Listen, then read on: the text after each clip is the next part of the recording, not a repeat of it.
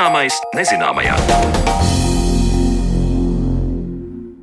Esiet sveicināti redzējumu zināmais nezināmajā un Sandra Kropa kopā ar jums, lai šodien parunātu par atmiņām, kas savieno paudzes un kādu nesen klajā nākušu grāmatu, kas pēta paudžu dzīves stāstus atmiņās. Vai aizmirst dažkārt nav labāk nekā atcerēties, un kāpēc aizliegtas atmiņas ir tās spilgtākās, par to jau pavisam drīz runāsim.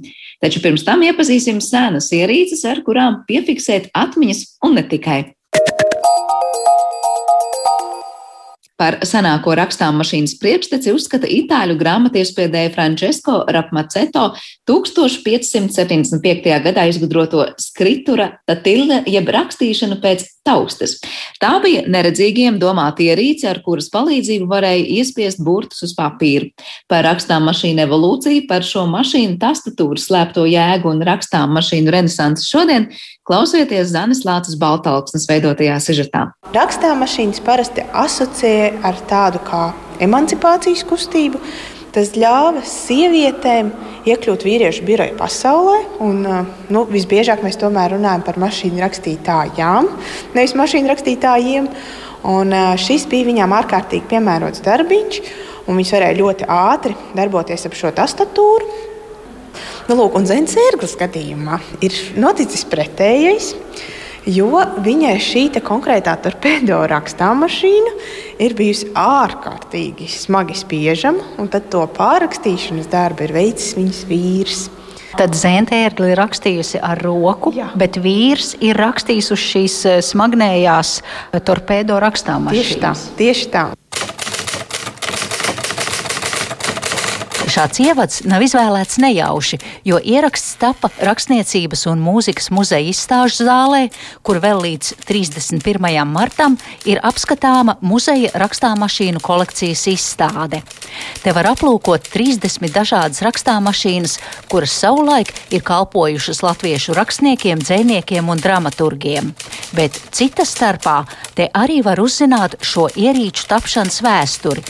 Par to stāsta šī projekta vadītāja vadītāja un Rakstniecības un mūzikas muzeja kultūras pasākumu organizatore Katrīna Kūkoja. Kaut ko līdzīgu rakstāmašīnai 1575. gadā radīja Venecijas tipogrāfs un izdevējs Francesco Rampaceto. Viņš izstrādā mehānisku ierīci, kas atgādina smagnēju galdu, pie kura piestiprināti desmit kuba formas koka gabali, uz kuriem ir iespiestas reljefa rakstzīmes. Taču šis aparāts visai nosacīti ir dēvējams par rakstāmašīnu vēstures sēnci, un kā pirmo min cita itāļu izgudrotāja ierīci, kas arī tika konstruēta kā palīglīdzeklis neredzīgajiem. 19. gadsimtā viens itālis, 88. gadā itālis Pellegrino Turī radīja rakstāmašīnu savai mīļotajai grāfienei, kura diemžēl bija neredzīga. Un, attiecīgi šī rakstāmašīna radās kā līdzeklis, lai viņa mīļotā sieviete varētu viņam privāti rakstīt vēstules, un neviens nevarētu būt starpnieks, jo citādi viņai būtu jādiktē. Un šī iekārta bija tas veids, kādā viņa varēja sazināties ar savu mīļoto. Tātad izgudrojumi kaut kādā mērā virzīja mīlestību. Taču šīs rakstāmierīces bija tik lēnas, ka ātrāk veicās rakstīt ar spalvaskātu vai zīmuli. Tad, ja mēs skatāmies jau tālāk uz šo 19. gadsimta otro pusi, tad vairāki izgudrotāji centos to izdarīt vienlaicīgi un patiesībā pat divās okeāna pusēs. Un, attiecīgi, Eiropā, Dānijā mācītājs Hansens Viņš izgudroja arī rakstāmašīnu, kas bija galvenokārt paredzēta neredzīgajiem. Un šī rakstāmašīna tika veidota tāda sfēriska, lai tam neredzīgajam ir vieglāk saprast šo pirkstu izvietojumu, jo lineāri to būtu grūtāk izdarīt. Tas ir rakstāmašīna kā tāda bumba vai jā, kaut... jā. Viņai vēl nebija nosaukums rakstāmašīna, tādu kādu mēs pazīstam. Viņa bija rakstām bumba. Uz tādas sfēriskas virsmas ir izvietoti cipari un burti, tie taustiņi. Un tad tos nospiežot apakšā ir tāds pusloka veltnis, kur ielika papīru, ja, mm -hmm. un tur varēja.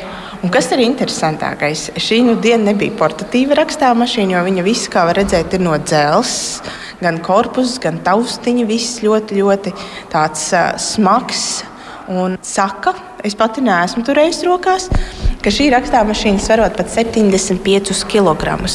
Bet kas ir interesanti saistībā tieši ar šo rakstāmašīnu, kad viņa parādījās Eiropā, viens no pirmajiem, kas viņu izmēģināja, bija filozofs Friedrichs Nīče. Un viņa šī vēlme bija tieši rakstīšanai, tad, kad viņam jau pasliktinājās redzes Viņam vajadzēja kādu tehnisku palīdzību. Viņš sāka to darīt un nonāca pie secinājuma, ka, nu jā, ka tas rakstīšanas veids paliek īsāks un tās domas vairs nav tik retoriskas un nav tādas izvērstas atkāpes. Viņas paliek tādas šaurākas un aforismiem līdzīgākas. Bet, protams, kā jebkurš jauns izgudrojums, arī šī Hansena rakstāmašīna sāka ķīlēties, un kaut kas viņai sāka netik labi darboties. Un uh, Nīča atmeta ar roku un tomēr ņēma par labu veco labo metodi, kurā viņš pieaicināja kādu sekretāru, un tad viņa bija tā, kas veic šo rakstīšanas darbu viņa vietā. Viņa man jau šķiet, ka sākumā vai nebija tā, ka vīrieši bija tie mašīnu rakstītāji. Cik es zinu, tad Nīčam tiešām šīs viņa palīdzes bija sievietes, kas ah. pārrakstīja. Bet ne uz šīs mašīnas viņš rakstīja ar roku. Viņš saprata, ka tas ir spēlskāts. Jā. jā, ar spēlskātu. Bet, uh, ja mēs runājam par rakstām mašīnām, tad nu dien tas bija aparāts, kas izkonkurēja vīriešus biroja pasaulē. Jo savā laikā, lai varētu šo skaisto rokrakstu izkopt, vajadzēja vairākus gadus tiešām arī kārtīgi mācīties, lai varētu kļūt par šādu rakstvedi. Un, uh, sievietēm šāda izglītība tajā brīdī nebija ne pieejama, ne arī tik aktuāla. Un, uh, tieši ar rakstām mašīnu ienāca šī iespēja, ka sievietes varētu būt tās, kas nonāk birojos, jo Pirmkārt, viņas jau bija iepriekš trenētas tādiem darbiņiem, kā piemēram spēlēt klavierus. Tad pirksti jau bija ļoti labi trenēti. Viņas varēja ārkārtīgi ātri apgūt šo metodi un drīz vien sākt strādāt ātrāk nekā vīrieši ar spālu skātu. Līdz ar to gan rakstāmašīna, gan sieviete vienlaicīgi ienāk šajā biroja pasaulē. Un, Bet drīz vien izkonkurē. Kurš laika posms tas ir? Faktiski tas jau ir ļoti drīz pēc rakstāmašīnu laišanas klajā. Tātad ir 19. gadsimta beigas, sākas šīs skolas, kur apmāca jaunās meitenes, lai viņas varētu kļūt par mašīnu rakstītājām. Un tad jau mēs skatāmies uz 20. gadsimta sākumu. Tur ir pilnīgi tāda geometriska progresija, kā viņas ienāk un nomaina šo vīriešu darba spēku. Par ātrāko mašīnu rakstītāju pasaulē tiek uzskatīta amerikāniete Barbara Blackbērna. Viņa spēja uzrakstīt 150 vārdus minūtē. Savukārt cits amerikānis ir iegājis vēsturē kā pirmais, kurš ir uzrakstījis savu literāro darbu uz komerciāli ražotas rakstāmašīnas. Un tas bija Marks Tvens ar savu darbu Toma Sojera piedzīvojumi. Iespējams, viņš šo darbu ir rakstījis uz Remingtona rakstāmašīnas, pie kuras šūpuļa stāv amerikāņu izgudrotājs Kristofers Lethams Šols, kura otrais modelis tika patentēts 1868. gadā un šī ierīce jau pārspēja ar roku rakstīto ātrumu. Un tieši Šolam un viņa palīgiem ir jāsaka paldies par līdzšinējo, nu jau no rakstām mašīnām uz datoriem, planšetēm un vietālruņiem ieviesto tastatūru augšējo burtu rindu. Pie tastatūras viņi strādāja vairākos posmos. Sākumā nemaz nebija šīs četras rindas, bija tikai trīs rindas. Viņi vairāk kārt to pārstrādāja. Bet kas ir interesantākais, ka šajā tastatūrā viņi vēlējās iekļaut savu izgudrojuma nosaukumu. Jo tieši Šols bija tas, kas nosauca rakstāmašīnu angļu valodā par typewriter. Tas ir pirmo reizi, kad šis izgudrojums tieši tādā vārdā tiek nosaukts. Šajā gadījumā, un ja mēs paskatāmies uz šo kuvertītu tastatūru, tad ekskluzīvi ar šo var uzrakstīt vārdu typewriter. Principā pirmā rinda ir ir eh, pirmajā rindā ir ieslēgts nosaukums. Tas, tas ir iešifrēts. Tad, tad, jā, tad pati pirmā augstākā rinda ir cipari, un tad nāk Q-dubultvējā. Tu vari uzrakstīt angļu valodā typewriter jeb rakstām mašīnu. Jā, tieši ar pirmo, pirmo rindu izmantojot tikai pirmo rindu. Nu, lūk, šis bija viņa tāds mazais komerces noslēpums, varētu teikt, kā viņi šo savu jauno produktu gribēja arī popularizēt un, un atstāt savu nosacīto ūdens zīmi. Vēlāk tika could. Vairākas citas tastatūras, kas būtu pat ātrākas, un tika veikti pat pētījumi, ka viņas tiešām ir daudz izdevīgākas, varbūt pat divas, trīs reizes. Bet tā problēma bija tāda, ka visi jau bija iemācījušies rakstīt uz tām pirmajām rakstām mašīnām un negribēja pārmācīties, ka tas pārmācīšanās process būtu pārāk sarežģīts. Tāpēc lielākoties palika pie šīs kuvertīta tastatūras. Kā jau minēju, izstādē ir apskatāmas dažādu laiku un marku rakstāmašīnas, un atkal izdarot nelielu sānsoli no mašīnu evolūcijas, uzzinām, kādu rakstāmašīnu savulaik ir lietojis dzēnieks Rainis. Tā pirmā rakstāmašīna, kas arī ienākusi mūsu krājumā, ir piederējusi Rainim. Tā ir iegādāta Šveicē 1915. gadā un ražot viņu tomēr 14. gadā. Tā ir portatīva rakstāma mašīna, salīdzinot ar tajā laikā daudziem, daudz smagākiem modeļiem. Un viņa atšķirās arī ar to, ka viņai šie burti, kas piespiežas papīrā, ir izkārtoti uz tāda tā kā cilindriņa. Tas ir tāds atšķirīgais veids, kā viņa drukā. Rainim, diemžēl, šī rakstāmašīna nevisai ir patikusi. Viņš uz viņas ir sarakstījis tikai divus darbus, Lūgu krauklīti un poēmu Daugava, no kurienes arī ir Salpērkons Daugava, mums tik labi pazīstamais ir izkārtot tie taustiņi trijās rindās, un tad ir jā, tas veltnītis cilindriskais, kur ir iespiesti burti.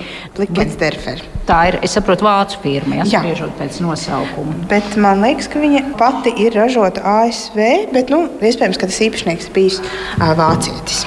Te jau visu pagājušo gadsimtu rakstāmašīnas pilnveidojās un evolucionēja un ieņēma stabilu vietu kā biroju neatņemama sastāvdaļa, līdz parādījās pirmie datori un rakstāmašīnas iegāja vēsturē. Tiesa, pēdējos gados tās piedzīvo savu renesansi, un par to vismaz Amerikas Savienotajās valstīs paldies ir jāsaka aktierim Tomam Henkam. Šobrīd ir atgriezusies tāda rakstāmašīnu renesanse, ko ir ierosinājis viens slavens aktieris, Toms Hanks. Viņš pats kolekcionē rakstāmašīnas un ir izveidojis arī dokumentālo filmu par rakstāmašīnām. Caur šo filmu ir pilnīgi aizgājis viņveidīgi šī interese par rakstāmašīnām, un ļoti daudz cilvēku pie tā atgriežas. Kāpēc? Tāpēc, ka rakstāmašīna neļauj novirzīties no, no kursa. Ja mums datorā ir pieejams pilnīgi viss, kas ir burvīgi un lieliski, tad rakstāmašīna ļauj koncentrēties tieši uz rakstīšanu. Viņa nav domāta nekam citam. Un, attiecīgi, jā, ir, ir arī rakstnieki, kas mūsdienās izvēlās rakstīt ar rakstāmašīnu. You're typing on something that works exactly the same as it did in 1938. Tu drukā uz kā tāda, kas strādā gluži tāpat kā 1938. gadā. Tā teica Toms Hanks dokumentālajā filmā Kalifornijas rakstāmmašīnas. Aktiera kolekcijā ir vairāk kā simts šādu ierīču, un viņa iecienītākā rakstāmmašīna ir 1964. gadā ražotā Olimpija. Toms Henks apgalvo, ka rakstāmašīnas viņš izmanto teju katru dienu, kaut vai lai izdrukātu pirkumu sarakstu, ejot uz pārtikas veikalu. Kura gada ir šī kontinentāla? Aptuveni. Šis modelis ir uh, 30. gadu. Bija sīkets par rakstām mašīnu vēsturi raidījumā zināmais nezināmā. Punkts. Tik tālu par rakstām mašīnām vēsturē, bet par to, kā pētnieki ievākuši dzīves stāstus paudžu paudzēs, saruna pēc brīža.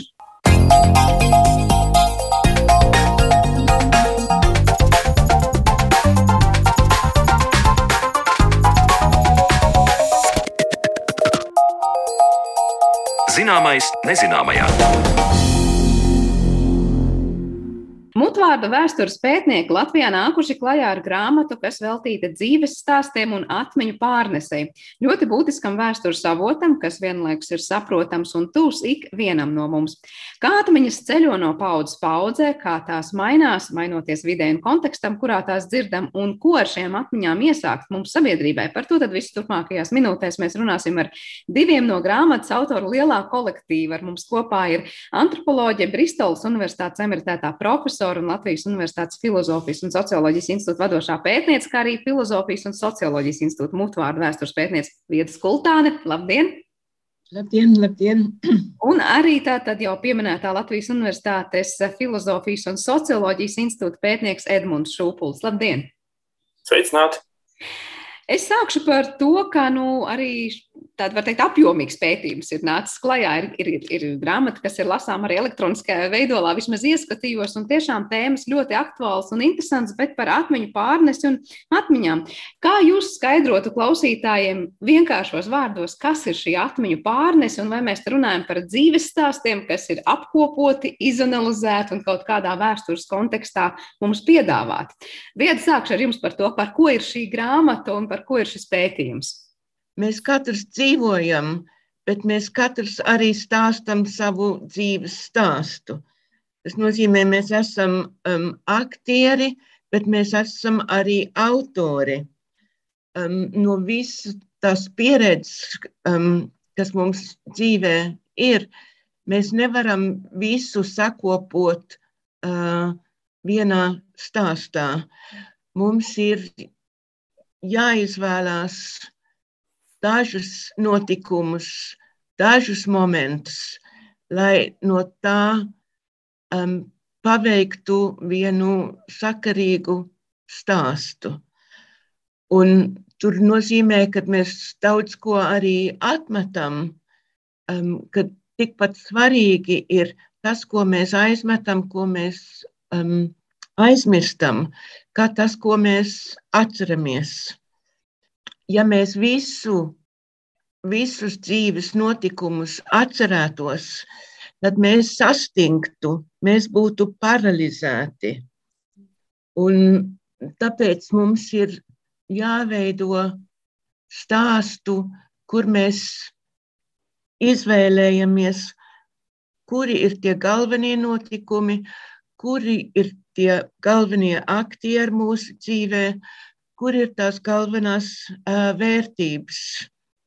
Tie dzīves stāsti nenotiek automātiski, bet tur gan ir um, liela piestrāde.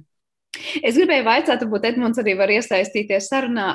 Kā jūs apkopojāt kādus konkrētu pauģu stāstus? Es saprotu, tur ir autoru kolektīvs diezgan liels, un katram tā ievirza ir mazliet sava.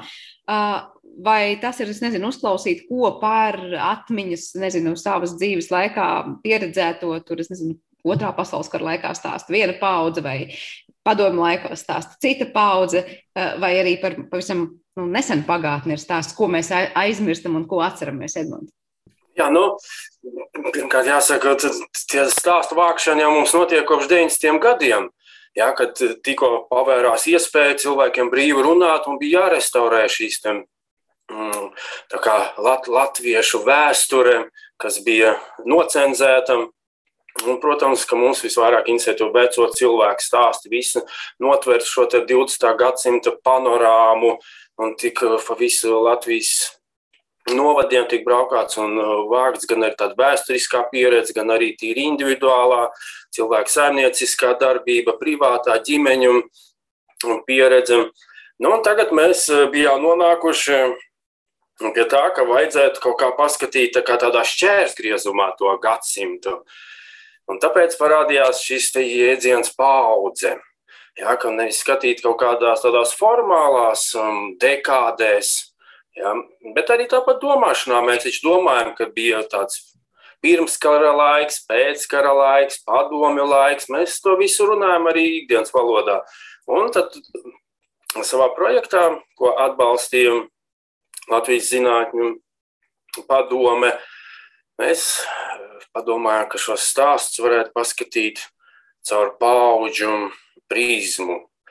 Kā, tur, protams, visdažādākie stāsti iet ja iekšā Un arī var redzēt, ka nodaļās tiešām mēs pie, daudz pievērsās arī kaut kādām konkrētām paudzēm. Tā skaitā arī paudzēm, kas izveidojušās ir um, trimdas latviešu uh, kontekstā.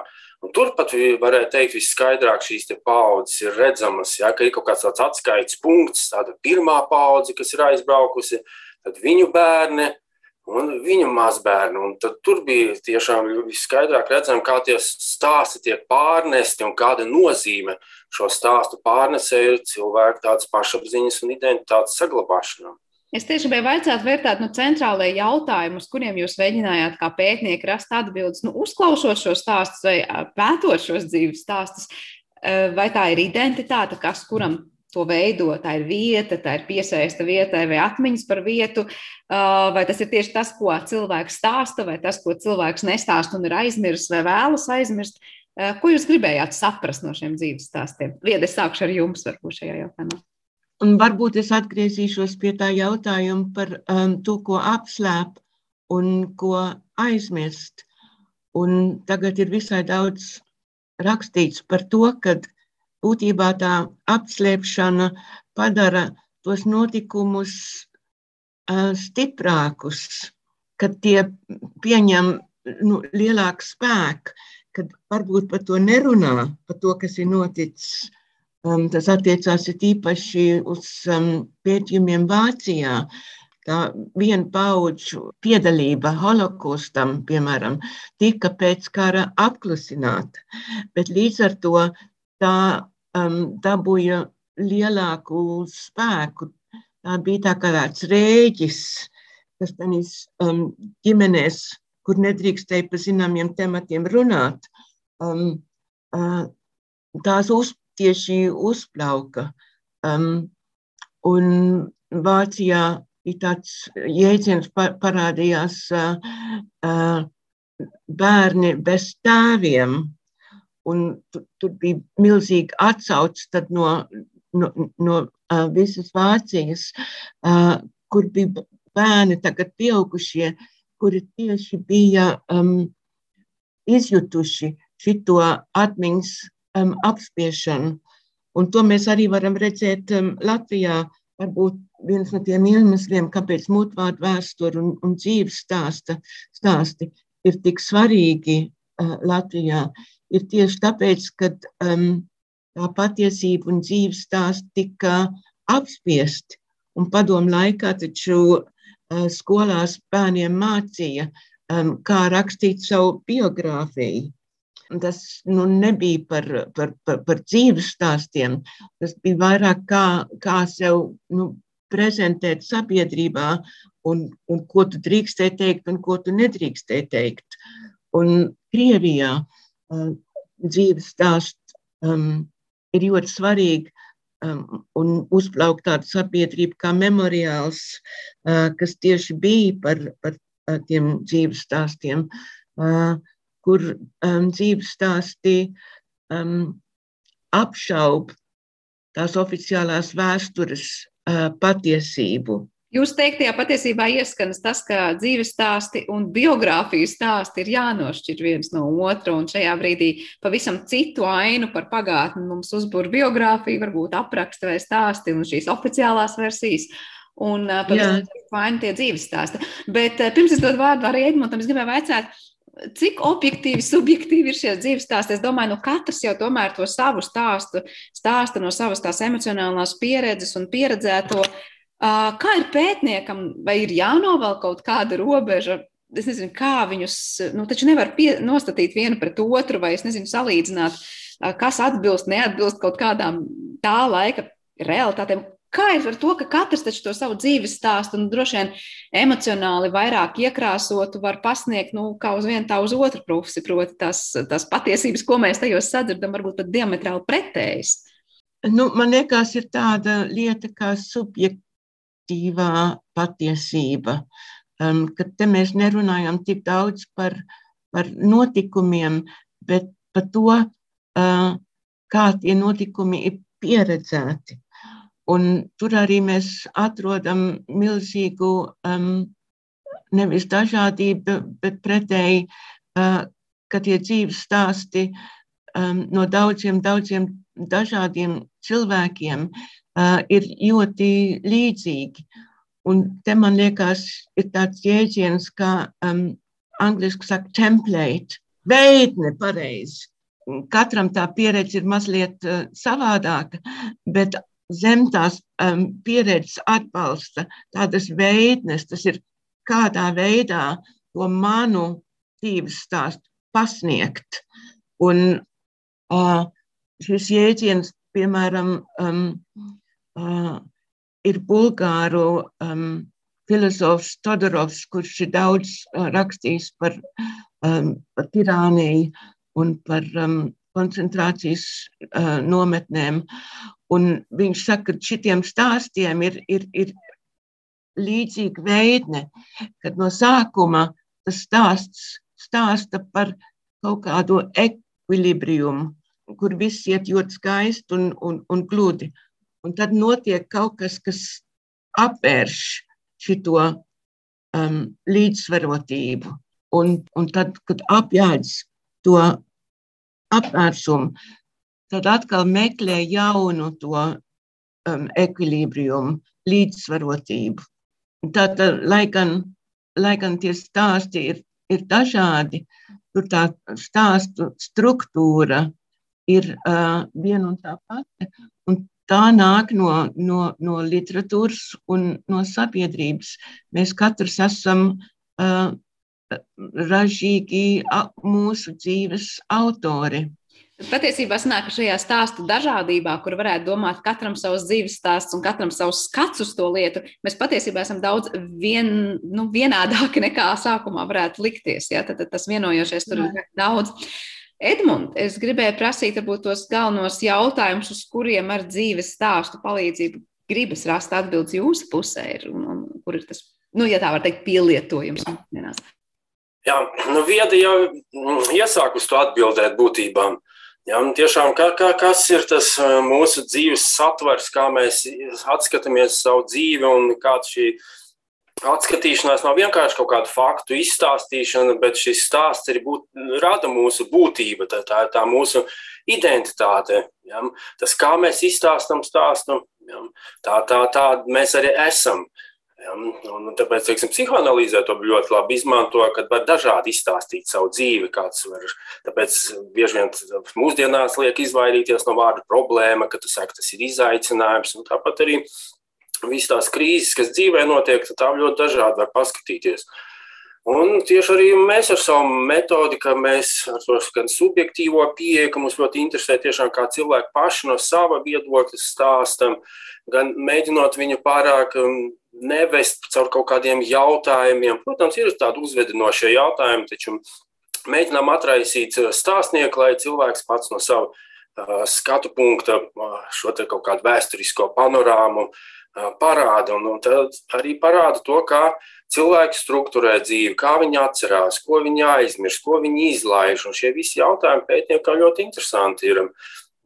Ka mēs neesam, neesam kaut kāda šī, tam, kā mēs agrāk teiktu, magnetofona lente, jeb tagad vienkārši tāds kaut kāds ieraksts, kas stāv mūsu smadzenēs. Ja, tas ir, šis dzīves stāsts ar vienu mainās dažādos kontekstos, kurš kad, kādos apstākļos jautā par šo dzīvi, kas cilvēkam ir aktuāls. Un, Un tam ir droši vien redzēt daudz dažādas sakarības tam apakšai, kāpēc tas tā notiek.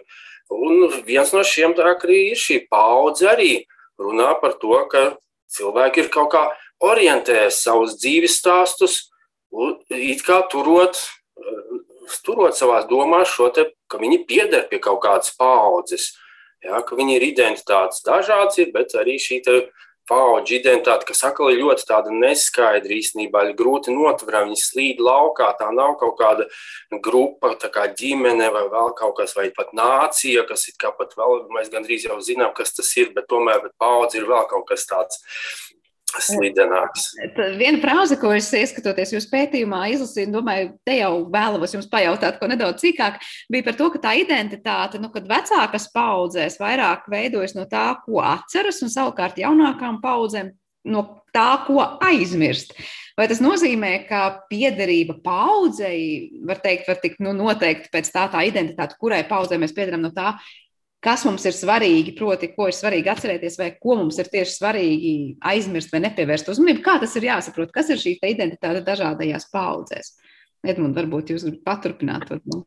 Un, protams, pirmais, kas nāk prātā, krīt acīs, ir tas, ka vecākai paudzei ir plašāka šī pieredze, viņi visus tos notikumus var projicēt uz dažādiem savus uh, dzīves posmiem, gadījumiem, epizodēm, nekā tas ir jaunākiem cilvēkiem, kam tikai šis dzīves stāsts sāk veidoties, un, un vispār pauģu pētniecībā runā, ka tie ir tie plastiskie gadi jauniešiem, jā, kad vispār paudzes sāk veidoties. Ir nu, starp 15, 25 gadi, teiksim, kad ir šis svaigais kontakts ar pasauli, kad tiek sa, cilvēks saskarās gan arī kaut kādā savā ikdienā, gan arī saskarās ar šiem stāstiem, kas eh, nāk no šīm te, uh, citām paudzēm. Tad arī var skatīties, kā tiek šie stāsti integrēti, uzsūkti, uzņemti, ja dažreiz atgrūsti. Mēs zinām, ka paudzes arī sadarbojas savā starpā, uzņemās atbildību vien par otru, bet arī nostājas konfliktā kaut kādā pretstāvēšanā vispār, kāpēc paudzes veidojas, tikai tāpēc, ka ir kaut kādas robežšķirtnes. Un tas robežšķirtnes nav tikai kaut kāda, ka mēs nu, pieredzam dažādus vēsturiskus notikumus, ja, kurš pieredzēja karu, kurš ulmaņa laikus, kurš stagnācijas gados, kā mēs zinām šeit, vai padomu laikā ir uzaudzis. Protams, šīs dažādas paudzes, bet arī šie kontrasti, kā tiek kontrastētas šīs pieredzes vienam pret otru. Un tā, tā veidoja šī paudzes pašapziņa, ka mēs izjūtam, ka mēs esam starp dažādām šīm te, tādām tā kā mentālām orientācijām.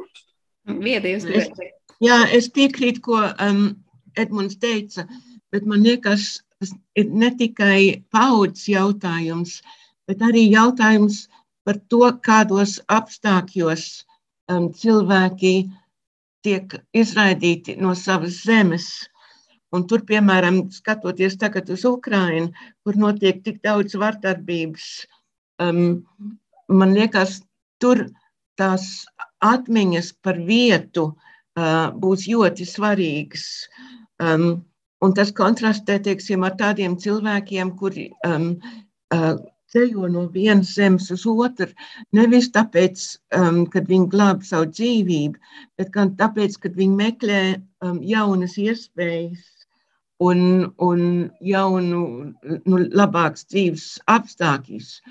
Un man liekas, tādīs gadījumos tās senču atmiņas nav, nav tik svarīgas, tāpēc ka šitie cilvēki tie skatās uz nākotni, uz uh, uz priekšu, nevis uz atpakaļ. Un viņi it kā grib būt tāja no um, morālās pasaules kopienas. Uh, viņi nav tik ļoti saistīti pie, pie vecām mājām un um, vecām saknēm. Bet jūs nevēlat aizsākt šo Ukraiņas aspektu, ko es gribēju arī patāpīt sarunas noslēgumā. Bet, nu, uh, mēs skatāmies, protams, tas, kas notiek pēdējās divas, trīs nedēļas. Un daudzi saka, ir tā sajūta, ka mēs skatāmies filmas vai atsaucam atmiņā stāstus par Otro pasaules karu.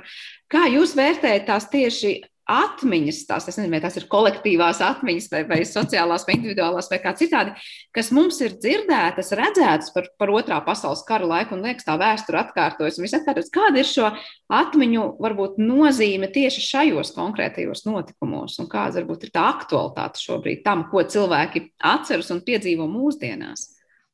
Jā, nu tas ir dežavu efekts. Ir liekas, ka kaut kas tik ļoti dzirdēts, ir redzēts, visi tie kadri un pat tās fotogrāfijas tiek liktas kopā, šie aizsardzības eži un, un ierakumi un kas tur degošas mājas un tiešām saliec, vai ne? Kāds kara, iepriekšējā otrā pasaules kara bildes, kur likās, ka pēc tam nav iespējams vairs kaut kas tāds, bet pilnīgi tagad tas atkal notiek. Un, Un, un, un galvenais ir retoriskā līmenī. Mēs redzam, ka tiek aktualizēta šī kolektīva atmiņa no abām pusēm, skan pārmetumi nacismā, genocīdā, ka, ka vieni vai otri ir fašisti. Ja, ka šie, šie visi, ko vieta te, sākumā teica par šīm veidnēm, ka šī mm, stāstījuma, narratīva veidnes šabloni tiek atkal aktualizēti, tie, izi, tie tiek vilkti laukā no mūsu kolektīvās atmiņas un projicēti uz mūsdienām. Un tas ir pilnīgi tāds, tāds tu nonāc tādā tieši stupora šoka stāvoklī, ka tu tiešām to redzi, ka tas nevis vienkārši palicis kaut kur stāstos, bet kad atkal tas viss uh, iznāk tādā apziņas līmenī. Jā, bet man liekas, tur nav tikai um, runa par um, atmiņām un, un, un tiem, tam izveidnēm, uh, bet gan tas, ka uh, karš nozīmē no vieniem šausmīgiem notikumiem uz vēl šausmīgākiem. Tas ir kara raksturs, kad tās šausmas paplašinās un, un paliek lielāks un lielāks, kad cilvēks zaudē savu to, savas cilvēciskās vērtības šī kara vietā, kad tas ienaidnieks paliek ar vienu briesmīgāks. Taču no otras puses mēs zinām ar šos varoņu stāstus, kas pēc tam tik ļoti iedvesmo nākamās paudzes. Un ir šie kā, kā cilvēki ar tiem tikuši galā, cik viņi ir pārcietuši un kā viņiem to ir atrisinājuši, ka tas atkal rada kaut kādas šīs iespējas nākamām paudzēm paskatīties, pa, paņemt kaut ko no tā visa, iedvesmoties. Jo kāpēc mēs vispār atskatāmies, mēs meklējam pēc šiem te, pēc kaut kādas iedvesmas. Jā, Jā mēs... bet Edmund, te ir jautājums, vai būs nākamā paudze? Būs, būs. Jā, būs. Cita lieta, ko viņi atcerēsies nākamā paudze, pazies, nebūtu šitie, mēs te tagad runātu par droši vien par koronavīrusu krīzi un kā tas ir ietekmējis paudzim. Jā, kā atkal tiek kolektīvā atmiņā tika kaut kāds iepriekšējā, tāpēc Pirmā pasaules kara gripas aizmirstā pieredze tiek vilkta laukā. Un, un pa diviem gadiem formējas kaut kāda jauna paudze, kas šajā lockdownā izauga, kam atkal būs kaut kāda cita orientēja iespējams dzīvē. Un, un tur tik ļoti daudz ko varētu runāt, un pēkšņi atkal nāk nākamā, kas atkal visu to vai no, kaut kā anihilē vai pār, pār, pārveido, un kā to visu saliek cilvēku galvā. Tas būs vēl pētniekiem, ko skatīties, kā tas atmiņā sajies kopā. Man liekas, tu ļoti labi to izteici um, nesen. Uh, kad tu prasīji, kāpēc tā gripa, kas um, nokāva daudz vairāk cilvēku nekā krita Pirmā pasaules karā, kāpēc tā nav ieviesta uh, kolektīvā atmiņā. Tad vēsture par 20. gadsimteņu to gripu uh, nemaz nepiemin. Un man liekas, te, tas, um, te mēs aizējām atpakaļ pie tā, pie tā fakta, ka um, ka tā nav tikai vēsture, um, te ir tas sastāvdaļa no stāstiem, ka tā gripa varbūt vienkārši neiederējās tādā stāstā, ko mēs gribējām stāstīt par 20. gadsimtu vēsturi. Un tāpat tagad tas Covid uh, ir palicis tāja no ikdienas dzīves. Tas nav tā kā no sākuma, kad tas bija skaists materiāls visādiem um, varoņu stāstiem. Um, Bet es domāju, ka paliks, paliks atmiņā šīs mūsu pēdējo divu gadu pieredze. Ne, jo, ta, jo, jo tas jau veidojas kā stāsts. Viss tas, kā mēs izgājām uz balkonu un aplaudējām ārstiem pašā sākumā, tas jau ir iekšā tādā kodā iekodēts kā tāds cilvēku izturības, saliedētības, mm. tā kopējās cīņas tādā kontekstā. Un tam visam uzreiz jau tiek piedota sniegta jēga. Ja, ka tai iepriekšējai gripai, citām pandēmijām nav nekādas jēgas, ne aids pandēmija, ne ebola vai kaut kam tam nav jēgas. Mēs nesaprotam, kas notiek, kāpēc. Šeit jau tie stāsti caur globālajiem mēdījiem, mēs virknējam stāstus mēģinām izskaidrot, kāpēc tā notiek, ieraudzīt kaut kādas labākas, labās, gaišās puses tam visam, kā tas mūs visi saliedējas, padarīs stiprāks un tā tālāk. Un, uh, Tam, tam uzreiz ir vieta mūsu pašapziņā. Redzēsim, kā, nu, kā tas notiks, kā būs sacensība starp stāstu par, par Covid un stāstu par Ukrainu. to tikai nākotne mums parādīs. Protams, arī tas, ko Edmunds teica, būs interesanti paklausīties pēc vairākiem gadiem, ko stāstīs tie bērni, kas varbūt eh, sāk skolas gaitas eh, attālinātās mācības laikā. Un es domāju, kā viņiem asociēsies pirmie gadi skolā, kas vispār ir skola un kā tas notiek. Jo man liekas, mēs katrs, kas esam gājuši nu, klātienes skolā, atceroties savas pirmās skolas dienas, ir pavisam cits priekšstats, ko nozīmē iet skolā, nekā tas bērns ir sācis mācīties savās mājās pie sava datora. Es gribēju vēl paspēt jums pavaicāt lietu, jūs te visu laiku piesaucāt šo kolektīvo atmiņu, un kas tajā paliek, nepaliek, kas vispār veido to mūsu kolektīvo atmiņu, un vai te ir jānošķir, kas ir sociālā atmiņa un kolektīvā atmiņa. Varbūt ne sociologam, ne antropologam tās ir diezgan līdzīgas lietas. Vai tas vienkārši, nu, kuri stāsti ir vairākumā, tie tad arī to atmiņu veido, vai tik vienkārši gluži nav? Jā, nu, te mums dažāds, varbūt droši vien arī viedā ir savs skatījums, personīgā kaut kā, kā mēs to uztveram. Jā, skaidrs, ka šeit ir um, grūti to tā nodalīt, jo vispār tas tāds uh, nu, pretrunīgs jēdziens. Skaidrs, ka nevar būt kolektīva atmiņa. Kolektīvs neatcerās, atcerās indivīdi.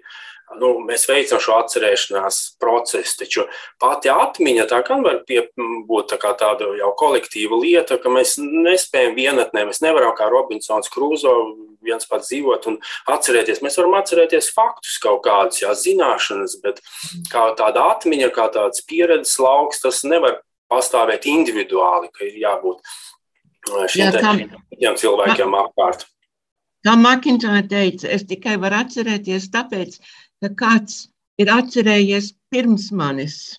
Es, tā kā tu teici, es kā Robinson Crusoe uh, nespēju atcerēties, uh, Bet vispār ir, ir, ir interesanti paskatīties, kā tas jēdziens par kolektīvo atmiņu, kā tas radās.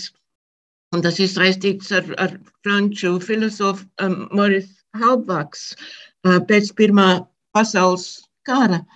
Bet kas tur ir tik ļoti interesanti, ir, kad um, Halbvaks, tā, ka viņš rakstīja par kolektīvo atmiņu, viņš um, apklusēja um, un neatsaucās nemaz uz Pirmā pasaules kara, lai gan tas bija tikai beidzies dažas gadus pirms viņš publicēja to savu grāmatu par eh, kolektīvo atmiņu. Un, un te ir interesanti, ka nu, viņš rakstījams par kolektīvo atmiņu pats um, iedarbināja to um, atmiņas amnēziju un vajadzību, kad nu, ka nedrīkst visu atcerēties. Halbaks gadījumā viņam bija um, brālis, kurš bija karā. Uh, viņam bija daudz draugi, kuri krita karā. Bet interesanti viņš par to savā grāmatā to nemaz nepiemin. Um, un, un, un, nu, te mēs tieši redzam to mehānismu, kā, kā tā um, kā aizmiršana strādā um, kolektīvās atmiņas um, uzbūvē. Un te redzam to, ka aizmirst arī patiesībā mums daudz ko stāsta. Tas, ko cilvēki aizmirst un par ko aizmirst un kāpēc varbūt aizmirst, mēs atkal varam jautāt un jautāt, nu, ko mums, diemžēl, ir jāliek punkts šai sarunai. Es teikšu lielu paldies jums abiem, ka atradāt laiku padalīties uh, šajos jautājumos ar to, ko esat izpētījuši un arī paskaidrot visiem pārējiem, ko tas īsti nozīmē. Un skaidrs ir viens, ka tiešām šie dzīves stāsti ir tāda dzīvā vēsture, kas tiek rakstīta, un pavisam interesanti, ka tajā visā, kā arī viedi jūs teicāt, tas brīži ir daudz vairāk tā vienojošā, ko mēs varam atrast, nekā tā dažādā.